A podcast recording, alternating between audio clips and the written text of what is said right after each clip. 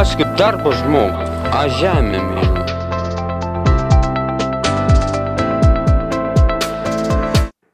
Tai sveiki, su jumis sveikinuosi aš Dovydas, bei tinklalaidė Pilne Ruodai. Ir šiandienos svečias yra Vytautas Buivydas, tai Lietuvos jaunųjų ūkininkų ir jaunimo sąjungos atstovas bei kolega ūkininkas. Labas. Labadiena. Tai gal šokam iš karto tada prie, prie klausimų ir norėčiau pašnekėti su tavim apie, apie ūkininkų tą jaunųjų ūkininkų sąjungą. Kokia jos yra vizija, trumpa istorija, kokie yra pasiekimai. Na, vizija yra, kad uh, ūkininkavimas jauniesiam ūkininkams būtų kiek įmanoma patrauklesnis Lietuvoje, uh, kad uh, jaunųjų ūkininkų ateitų į kaimą, įleistų šaknis ir kad tas kaimas būtų kiek įmanoma gyvybingesnis jaunimu, nes reikia suprasti, kad nebus jaunimo, nebus ir kaimo ateities.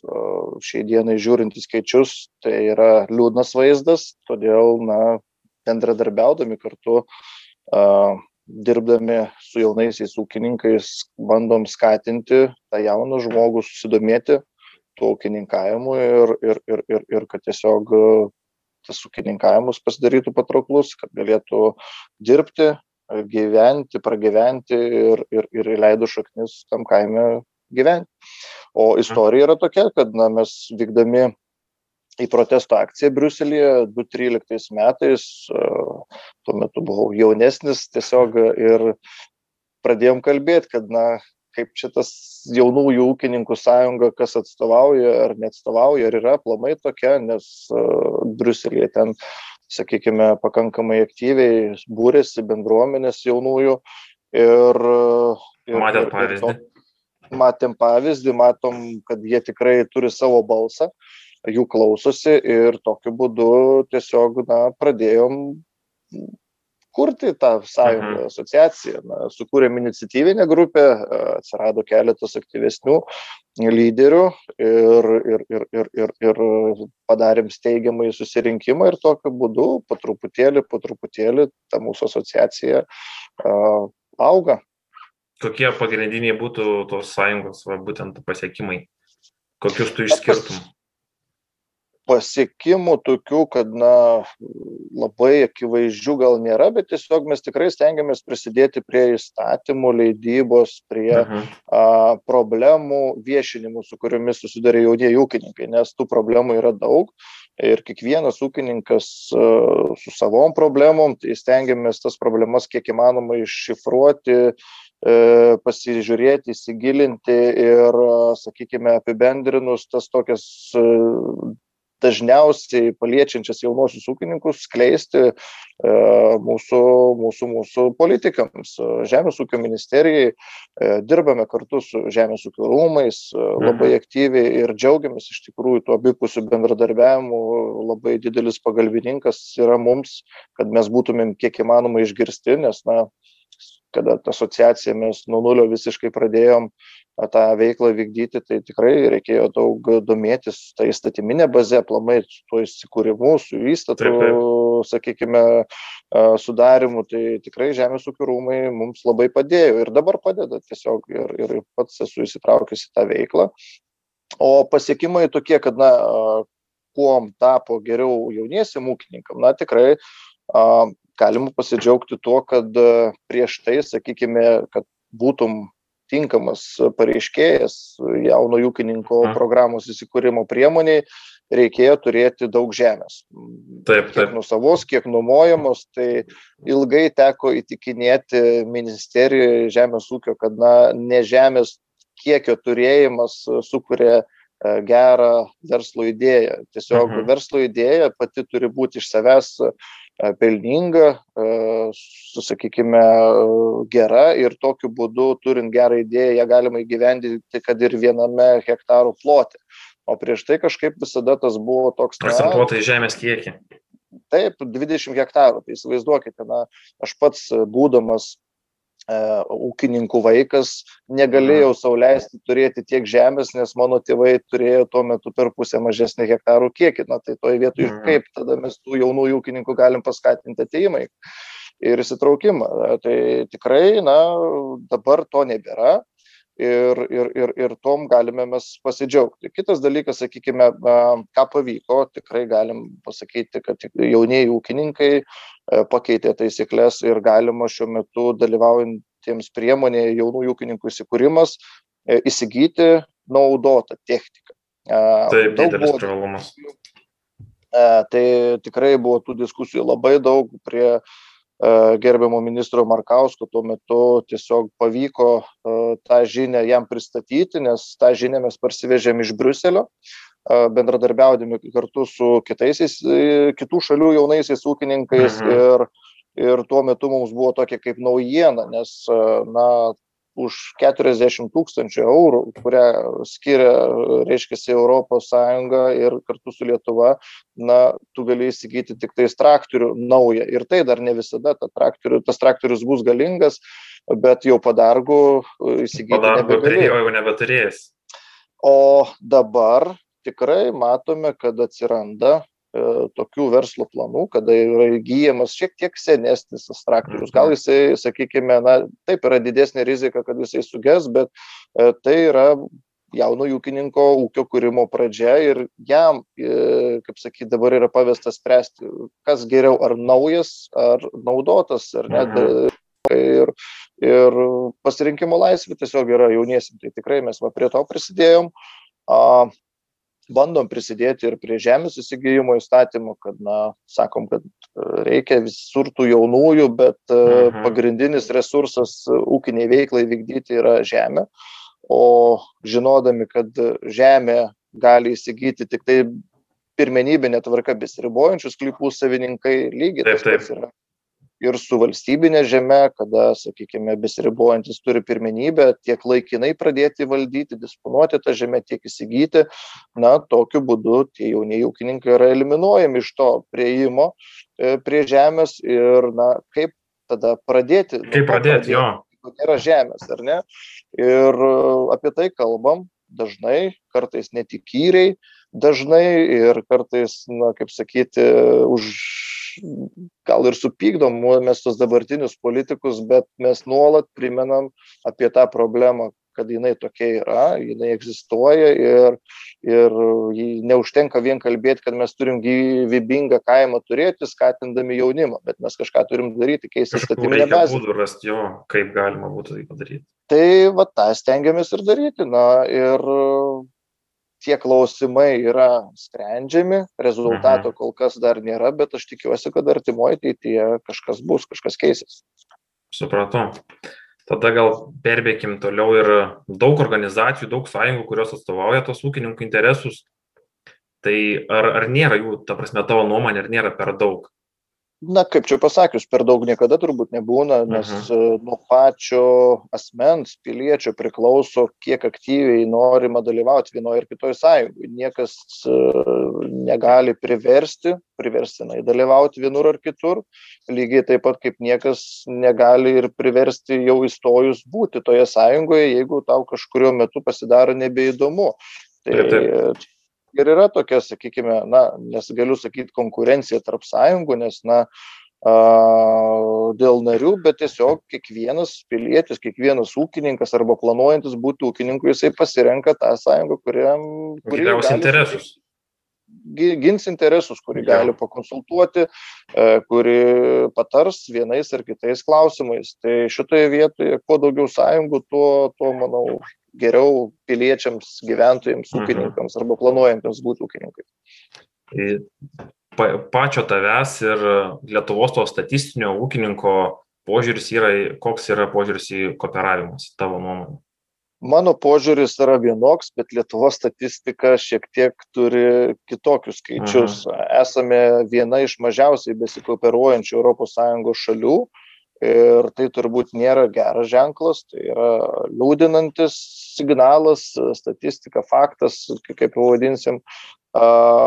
Jeigu teisingus turiu duomenius, tai apie 12 procentų tik tai Lietuvos ūkio. Apie, apie 12 procentų.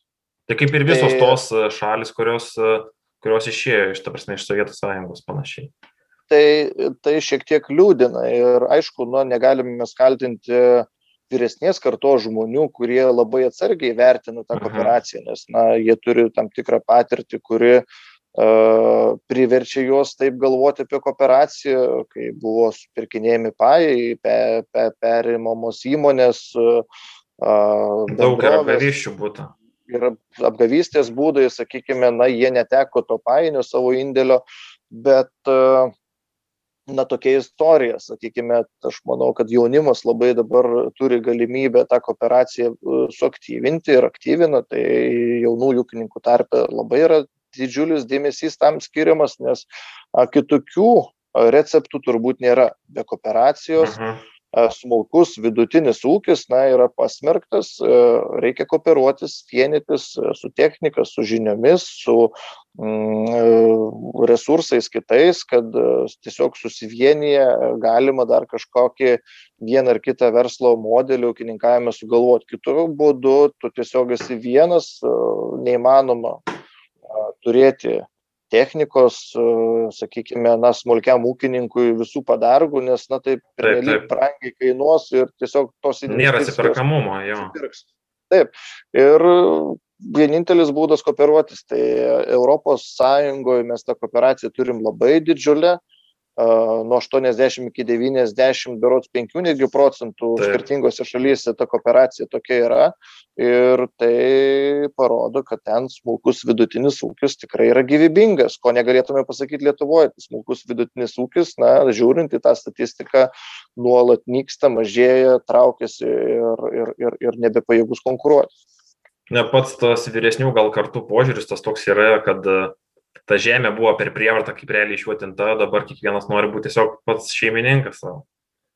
Tikrai taip, ne tik žemė, bet ir įmonės, sakykime, ten daug tokių turime a, ir dabar perdirbimų įmonių, sakykime, kurios kažkada buvo valdomos pajais, mhm. bet, bet, bet šiai dienai tie dalis pajų buvo perimta į į, į, į privačių investuotojų rankas ir tokiu būdu na, tas painis įnašas sumenkintas kažkaip tenais ir, ir, ir nebegauna tos pritinės vertės ir tų lūkesčių, kurie buvo dėti pačioj pradžioje. Tai taip, turbūt teisinės bazės, netu, bazės neturėjimas šiek tiek galbūt to atsargumo, galbūt per mažas buvimas, na ir privedė prie tų tokių pasiekmių ir, mhm. ir, ir, ir aišku, kooperatyvas pats na jisai yra juridinis vienetas todėl šiai dienai norint skatinti tą kooperaciją mes turime labai padėti ūkininkams e, tą kooperaciją pradėti vykdyti. Tiesiog pirmiausia turi būt konsultavimas teisingas kokios kokie gali būti ko kokias problemas gali išspręsti kooperacija. Kaip mes visi žinom bet tai, kad kooperatyvas yra juridinis vienetas, tai atneš papildomą valdymą, ar ne? Tai turės būti kooperatyvo pirmininkas, turės būti valdyba, turės būti tam tikri organai, kurie privalys vykdyti e, teisės aktuose numatytus reikalavimus visus, atsiras papildoma atsakomybė. Ir atsakomybė. Tai šitoje vietoje, na, tik tais tuos visus uh, užsibrėžęs įgyvendinti uh, reikalavimus ūkininkas gali tikėtis tą kooperaciją pradėti. Bet yra kitų būdų e, yra kitų būdų kurios kurie yra sėkmingai įgyvendinami pavyzdžiui prancūzijoje.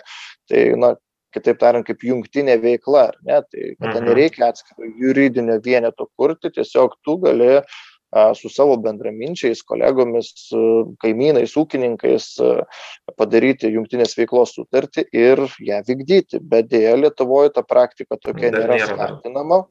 Ir, o ją paskatinti paprastai tiesiog, aš manau, per vietoj to kad ūkininkas įsigyja vieną traktorių jisai vienas pats naudoja jungtinės veiklos pagrindu toks traktorius įsigyjamas turėtų bū suteikti papildomai balų mhm. E, tiems apsijungusiems ūkininkams ir suteikt didesnes galimybes tam tapti patvirtintais pareiškėjais. Tai iš karto atsirastų ir tas paskatinimas bet to lietuvoje dar trūksta. Supratau.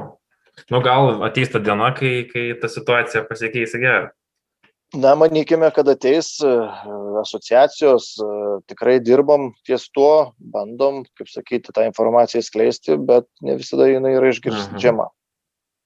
Mhm. dar būtų klausimas toks e, kokia dalis yra tų jaunųjų ūkininkų kurie ateina tikrai iš šalies? Tu pats kaip minėjai esi pats ūkininkų sūnus aš irgi esu ūkininkų sūnus bet kiek yra to tikrojo jaunimo kuris ateina į kaimą ar iš miesto ar, ar grįžęs iš to pačio užsienio ir pradeda visko nuo nulio? Yra kažkokie skaičiai na skaičių mes turime pakankamai daug ir vat ką mes turime kad jaunųjų ūkininkų du dvidešimtais metais buvo aštuoniolika tūkstančių aštuoni šimtai penkiasdešim Mhm. yra pakankamai didžiulis didžiulis e, skaičius e, kaip valdų valdytojų tai yra iki keturiasdešimties metų bet a, tikrai ūkininkaujančių tų jaunųjų ūkininkų kurie na kaip sakyt dirba tame žemės ūky yra skaičius gerokai mažesnis tą tenka pripažinti.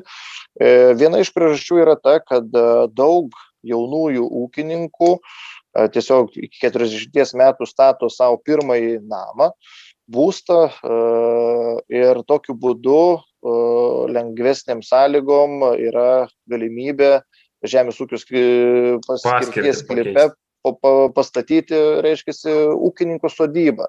Ir Taip, taip, taip, tokiu taip. būdu tiesiog tų ūkininkų skaičius yra gerokai išaugęs, bet faktiškai tų, tas skaičius turi būti ženkliai mažesnis. Tai mes visada keliam tą klausimą, kad tuos neaktyvius tokius ūkininkus, kurie tiesiog yra tam, kad mm, tapti ūkininku dėl to pirmojo namo pa- pastatymo, kažkaip reikėtų atskirti, bet e, nelabai esame išgirsti, galbūt nėra palanku, e, paranku e, tuos skaičius teisingus atverti, nes mes ES su tais skaičiais atrodome visai neblogai. Na, tų, Mhm. tų jaunų ūkininkų pasižiūrim tikrai yra nemažai, bet jeigu žiūrėtumėm, kaip sakau, vaizdas yra gerokai liūdnesnis. Nors ir prie tų tokių skaičių, kurie yra išpūsti, jeigu dar giliau pasižiūrėsim, tai na, 2008 metais mes turėjom 54 procentais daugiau jaunųjų ūkininkų. Tai ką tai reiškia? Tai reiškia, kad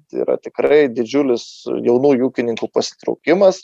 Na, kiti sako, kad galbūt tie ūkininkai buvo jauni iki 40 metų Taip, taip. Ir jie perėjo į tą kitą, sakykime, ūkininkavimą, nu, ne, nebe jaunasis ūkininkas, Taip. o patap ūkininkas, bet Taip, bendrai žiūrint, ūkininkų skaičius irgi sumažėjo Sumažėjo. 50 procentų. Tai, mm, na, per kiek čia, nuo 28 iki 2020 metų, dvi- Taip. 12 metų, ne? Tai per 12 metų mes žemdirbių netekom 50 procentų, jaunųjų netekome 55 procentus.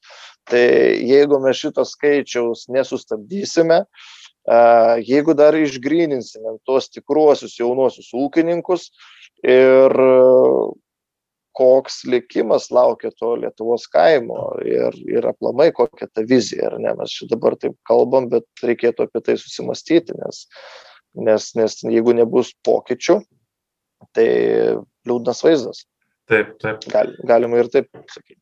Tai Šiaip tavo nuomonė yra įmanoma pradėti ūkininkauti tiesiog nuo nulio? Ko, ko, ko reikia, ta prasme? dažnai susilaukiu šito klausimo ir kada sakau taip, e, iš karto tokia reakcija, o kaip tu čia dabar nu, nebeįmanoma, gi pradėti ūkininkauti. Na, taip, iš, iš, iš principo žiūrint, turbūt, kad taip, neįmanoma, nes, na, žiūrėkime, žemės įsigyti tu kaip ir negali. Ten turi bandyti ieškoti būdų, kažkaip apeiti tą įstatymą, gal pirmiausiai nuomos sutartį susirašyti ir tokiu būdu po metų tu jau įgauni pirmenybę, ne, įsigyti. Yra laiko, laiko imlus, ar ne, tas toks ūkininka, ta tokia ūkininkavimo pradžia, bet galima. A, kitas dalykas, na, žiūrim į grūdininkystės ūkį, kada jisai ekonomiškai naudingas, e, pelningas, prasideda nuo šimto hektarų ir daugiau, na, reikia suprasti, kokios tai investicijos reikalingos. Tai turbūt iš karto pasižiūrėję į grūdininkystės ūkio perspektyvą sakysime, kad ne. Žiūrim kitą populiarią, populiar, vieną iš populiaresnių šakų - gyvulininkystė. Gyvulininkystė irgi vienam staliginiui galvijui reikalinga apie vienas hektaras, tai taip vidutiniška tokia ferma vis tiek jinai turėtų jau nuo 50 galvijų prasidėti, Plius turi tą 50 fermą irgi turėtų dar rasti jau tai. Taip ferma technika visi kiti Taip. dalykai pradedam žiūrėti sakom kad ne bet turime tikrai puikių pavyzdžių kada pradedamas ūkininkavimas pusės hektaro plote sakykime auginant sraiges ar ne ir galima sukurti tą pridėtinę vertę ekonominę naudą ir tokiam plote ta pati daržininkystė Daržininkystė, e, uogininkystė. salotų auginimas sakykime dabar labai populiarus yra tos netgi ūkinę veiklą vykdyti nebe žemės plote o konteineryje ar ne turime tokią Taip. praktiką jinai pareina iš amerikos kada tiesiog miesto centre yra pastatomi konteineriai ir dirbtiniu apšvietimu laistant teisingai, užauginamos šviežios tos daržovės be saulės, nors mes Lietuvoje dar kažkaip keistai žiūrim į tą visą Aha. procesą, bet aš manau laiko klausimas, kada mes didžiosiuose Lietuvos miestuose matysime tai ir, ir, ir tos galimybės yra, bet aišku, ne mūsų tradiciniam ūkiniam šakom, kaip sakau, gyvulininkystėje ir gyvulininkystėje. Alternatyvų kažkokių reiktų rasti o alternatyvų reikia ieškoti ir rasti, nes, na, jeigu mes žiūrėsime pagal dabartinę e, ūkininkavimo, tai mes esame treti nuo galo pagal pagaminamą produkciją vienam žemės ūkio hektare. Mhm. Tai jeigu mes dabar tik tais apie 900 eurų sukūrėm pridinės vertės vienam hektare, tai Olandų ūkininkų vidurkis yra 13 tūkstančių. Tai reiškia, galimybės aukti, tobulėti tikrai yra reikia žiūrėti kitų būdų, nes aš dažnai sakau, kad grūdininkystės ūkis, kuriuo mes na, dažnai didžiuojame, sakome, kad na, esame vieni didžiausių eksportuotojų, galbūt netgi pasaulyje, tai neveda prie teisingo ūkininkavimo kelio vien dėl to, kad yra augalų apsaugos priemonės maksimaliai naudojamos, o ta galutinė pridėtinė vertė iš hektaro panašiai ir sukuria ger, šiek tiek daugiau negu tūkstantį eurų. Tai mes ir todėl ir esame gale e, pagal tą statistiką ir kurią reikėtų gerinti. O jaunieji ūkininkai prie to prisideda ir, kaip sakau, na, jie mažesnėme plote stengiasi kurti didesnį pritinę vertę, kad tas ūkininkavimas apsimokėtų. Taip, taip. Na tai kadangi jau pašnekėjom apie tas augalų apsaugos priemonės, tai gal perbėkime žalį į kursą. Tavo nuomonė, ko, ko mes galim tikėtis va, iš ES? Ko galime tikėtis? Na, tikrai tikėtis kažkokių pokyčių. Nors pokyčiams mes e, visada sakome, aplamai žmogiškoji prigimtis turbūt yra sakyti pokyčiams ne, nes kada pokytis, tai reiškia, kažką reikės keisti. Jo. E, ir tas keitimas, na, vieni lengviau tą priima, kiti sudėtingiau. E, na, reikia žiūrėti, kas iš to išeis ir ar tai bus naudingiau, nes ūkininkas vis tiek jis žiūri, kad pelną generuoti galėtų, ar ne, uždirbti pinigus ir žiūrės bendram rezultatui, ar bus iš to naudos. Bet tikslas pats, na, žalesis kursas, jis yra toks pakankamai kilnus, ar ne, prisidėti prie mažesnio gamtos teršimo, kažkiek e, skatinti daugiau ekologinį ūkininkavimą, atsisakyti tų tokių perteklinų, sakykime, darbų galbūt, kuriuos laukuose mes e, darome ir, ir, ir, ir e, tiesiog gerinti, gerinti, sakykime, mūsų aplinką, kurioje gyvename su mažesniu CO2 mhm. prisidėjimu ar nepėtsaku, bet kaip tą pasiekti, kaip tą padaryti. Ūkininkai mes visada sakome, kad mes norime prie to prisidėti, mes norime ekologiškai ūkininkauti, bet iš to turi būti ekonominė nauda pačiam ūkininkui. Todėl prie tų tikslų, kurie yra iškelti, reikalingas ir didžiulis finansavimas. Ir jeigu bus galimybės tokios, kad tikrai bus papildomas remimas ūkininkams už tai, kad, sakykime, gamina tą tvaresnį produktą, a, tikrai ūkininkai norai prie to prisidės. Bet jeigu a, tas finansavimas bus toks, na, nepadengs tų sąnaudų, kurias reikės ūkininkui įdėti ir, sakykime, tos produkcijos gaunama kaina nepadengs sąnaudų, tai ką, bus ūkininkams tiesiog, na, galas su galu nebesudurs. Nu, taip, taip, taip.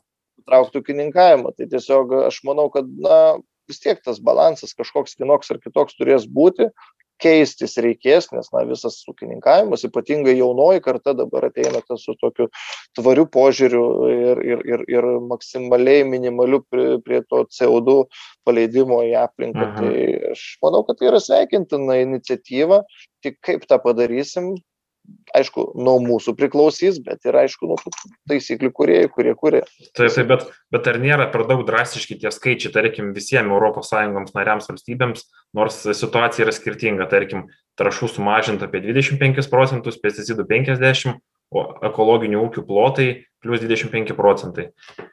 Tai Lietuva ir šiaip nėra ta tokia šalis, kuri tiek daug labai treš ir to azoto daug išsiplauna pagal visas tas statistikas arba būtent apie augalo apsaugos ten pesticidus šnekant priemonės. Tai, tai... čia šitą labai reikėtų pasižiūrėti, nes, na, kada aš sakiau, kad mes ES pagal efektyvumą esam treti nuo galo, ar ne, pagal mhm. iš pagaminamos produkcijos, tai jeigu mes dar mažiau naudosim augalų apsaugos tų priemonių ar ne, tų pačių trašų ir dar ekstensyvinsim ūkį, tai mes dar labiau būsim toj odegoj. Bet sakykime, ta Olandija, kuri gauna 13 tūkstančių iš hektaro pajamų, tai reiškia, na, tokius ūkius galima šiek tiek nugręžti, jeigu taip galim sakyti, ir žiūrėti, kad jie dar tvariau į tą ūkininkavimą žiūrėtų ir, ir, ir, ir mm, tuos naudojamus produktus, sakykime, prisidėjimas prie pačio e, ekologinio ūkininkavimo, skatinimas ar ne ateiti tą mhm. ekologinį ūkininkavimą. Mes jau penkis metus keliam tą klausimą, nes Lietuvoje paskutinius penkis metus ekologinis ūkininkavimas nebuvo remiamas. Tai mes labai tikimės, kad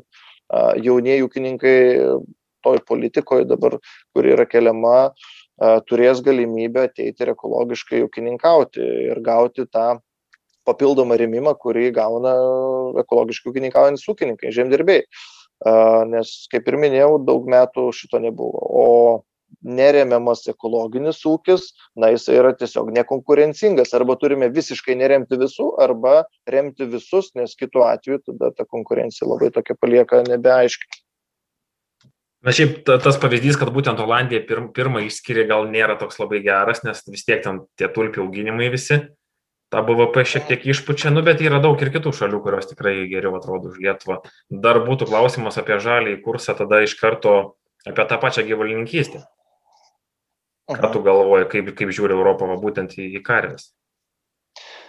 Na, mes turbūt turim pripažinti, nes skaičiai rodo tiesiog nesudėtinga paskaičiuoti pagal turimą galvijų kiekį, atrajotojų, kiek jie, kiek jie išmeta dujų į aplinką ir mokslininkai tą yra padarę. Ir tenka tik tai su giliu liūdėsiu pripažinti, kad taip, tikrai žemės ūkis yra vienas iš didesnių teršėjų, bet tą galima šiek tiek suvaldyti tiesiog naudojant tam tikras priemones galbūt e, atsakingiau netgi maistą vartojant, ar ne, nes mes mhm. labai, jeigu čia yra kita tema, kada kalbėti apie tą maistą, kurį mes, na, tiesiog išmetam, išmetam tai.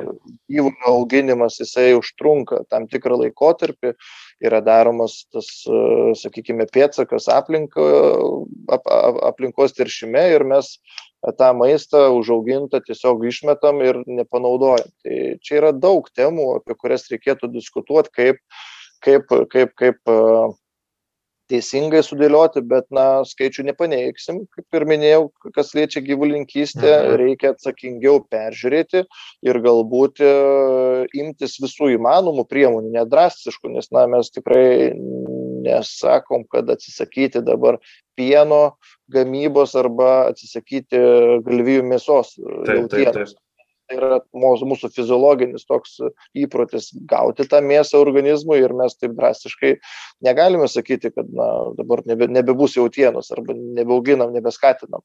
Bet reikia remtis mokslininkų, sakykime, išvadomis ir dirbti su mokslu, mokslui dirbti su gamybininkais, su ūkininkais ir ieškoti tų sprendimų.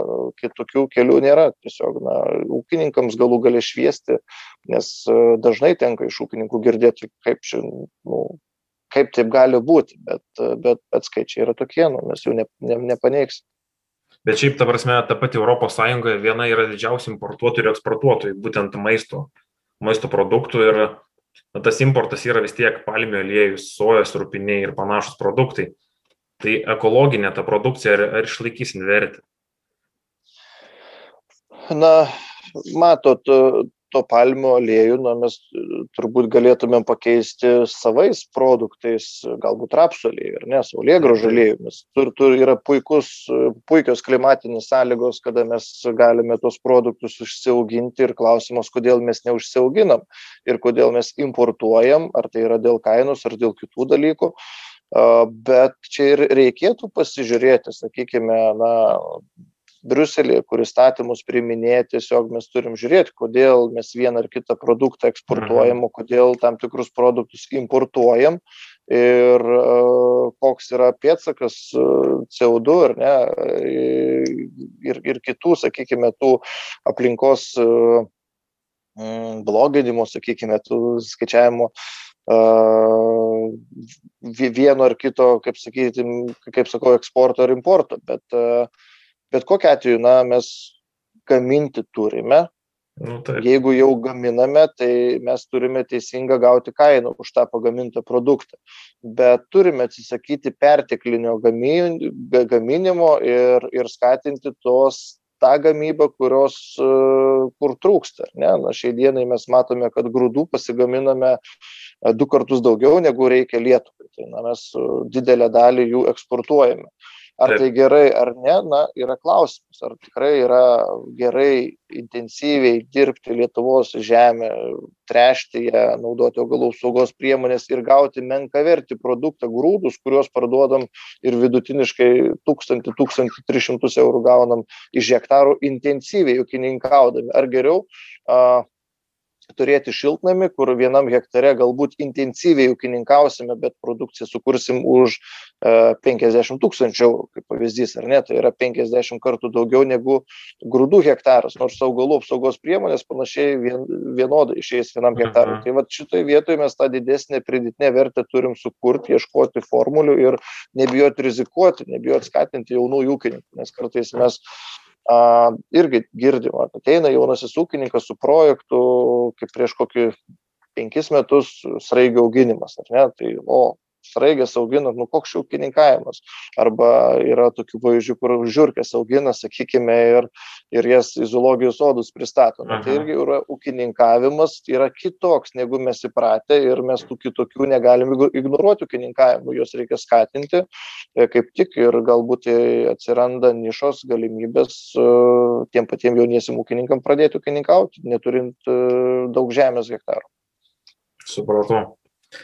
Na gerai, ta, ta tema gal nebesiplėskim tada ir peršokim tada į tą paskutinę. Tai Žemės ūkio ministras pasiūlė, buvo toks pasiūlymas, kad įsteigti jaunųjų ūkių, jaunųjų ūkininkų inkubatorių. Kokia tavo būtų nuomonė ir pamastymai apie tai, ar tai yra realu?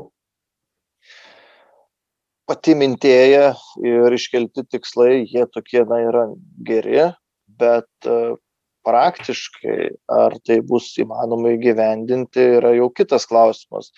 A, labai atsargiai vertinamės šitą informaciją, jos labai daug ir neturime, tiesiog tai, kas mhm. pasigirsta iš viso, viešosios erdvės, žinome tai, kad na, jaunieji ūkininkai turės galimybę įgyti e, teorinės, praktinės žinias, e, susipažinti su to ūkininkavimu ir galbūt priimti sprendimą, ūkininkauti ar neūkininkauti. O jeigu jau bus priimtas sprendimas ūkininkauti, tai bus galimybė gauti ir tą investicinę paramą ir galbūt e, valstybinės e, žemės ar ne įsigyti, ar lengvatiniam sąlygom, ar tenais išsinuomoti, ar, ar kitais pagrindais mes tų, tokios informacijos nežinom, bet na, mes turime tokių atvejų, kada, sakykime, žemdirbiškasias profesijas jau baigė jaunieji, jauni žmonės, kurie nori patapti ūkininkais, jie tiesiog na, neturi e, galimybės įsigyti žemės. Kaip tiesiog, kad galėtų turėti žemę, su, su kuria galėtų vykdyti ūkininką. Taip, taip, taip. Kita problema yra, jie neturi galimybės prieiti prie finansinių išteklių, ar ne? Sunku gauti pirmąją paskolą, kada tu neturi istorijos kreditinės, Taip. sudėtinga įrodyti bankui, kad tu tikrai turi gerą verslo idėją, nes tu neturi tos patirties, tu tik tais galbūt sausas tas žinias turi. Ir tokiu būdu, sakykime, na, žinias turi, potencialas yra geras, bet vat, pagrindinių dalykų, kurių trūksta, tai yra žemė ir finansai. Aišku, paskui sėkmė projekte, kada yra parašomas jaunų ūkininkų įsikūrimas. Na ir kaip tie inkubatoriai dabar, sakykime, tos ūkininkus dar ką jiem padarys tie, kad jie jau turi ir tų gamybinių, galbūt žinių ūkininkų vaikai, ar ne? Jie taip, taip, taip. Žinių, jie turi, bet yra kitų, kitų spręstinų problemų, kurias reikia spręsti.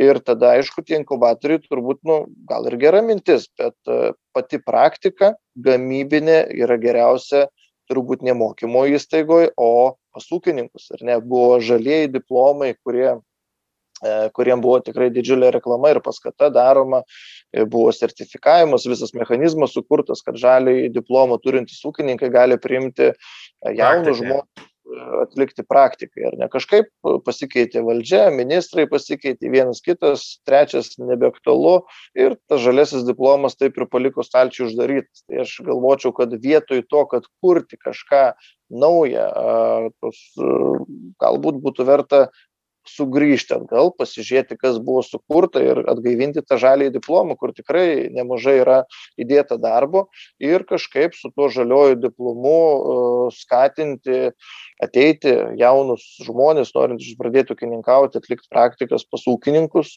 pamatyti tą tikrą praktiką, kokia yra ūkininkavime, nes, na, teoriškai tai yra viena, o praktiškai gamyboje. Visai kas kita. Visai kas kita, nes, na, kaip esu sakęs daugam ir galiu pasikartoti, kad ūkininkas jisai neužtenka vien išsilavinimo ir žinot, kas tas žemės ūkis. Tai reikalinga būti ir agronomų, reikalinga būti veterinarijos gydytojų, reikalinga būti inžinierių, reikalinga būti buhalterių, reikalinga būti galų gale šeimos ar ne galva, nes na, tai yra ant ūkininko, sakykime, pečių visi tie dalykai ir tu turi būti visų galų specialistas. Ir bet kurioje vietoje šiek tiek jausdamasi silpniau, tu gali susidurti su iššūkiais, kurių pasiekoje tu gali netgi nutraukti tą ūkinę veiklą. Tai ūkininkavimas pats iš savęs yra sudėtingas.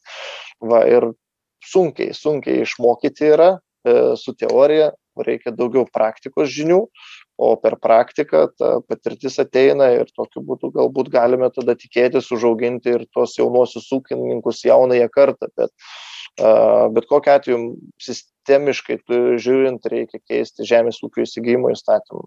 Nes be žemės mes skatinkim neskatinę, jeigu sąlygos nebus sudarytos jauniesiam ūkininkam įsigyti žemės, tai mes tik galim kalbėti. Tuščiai. Taip.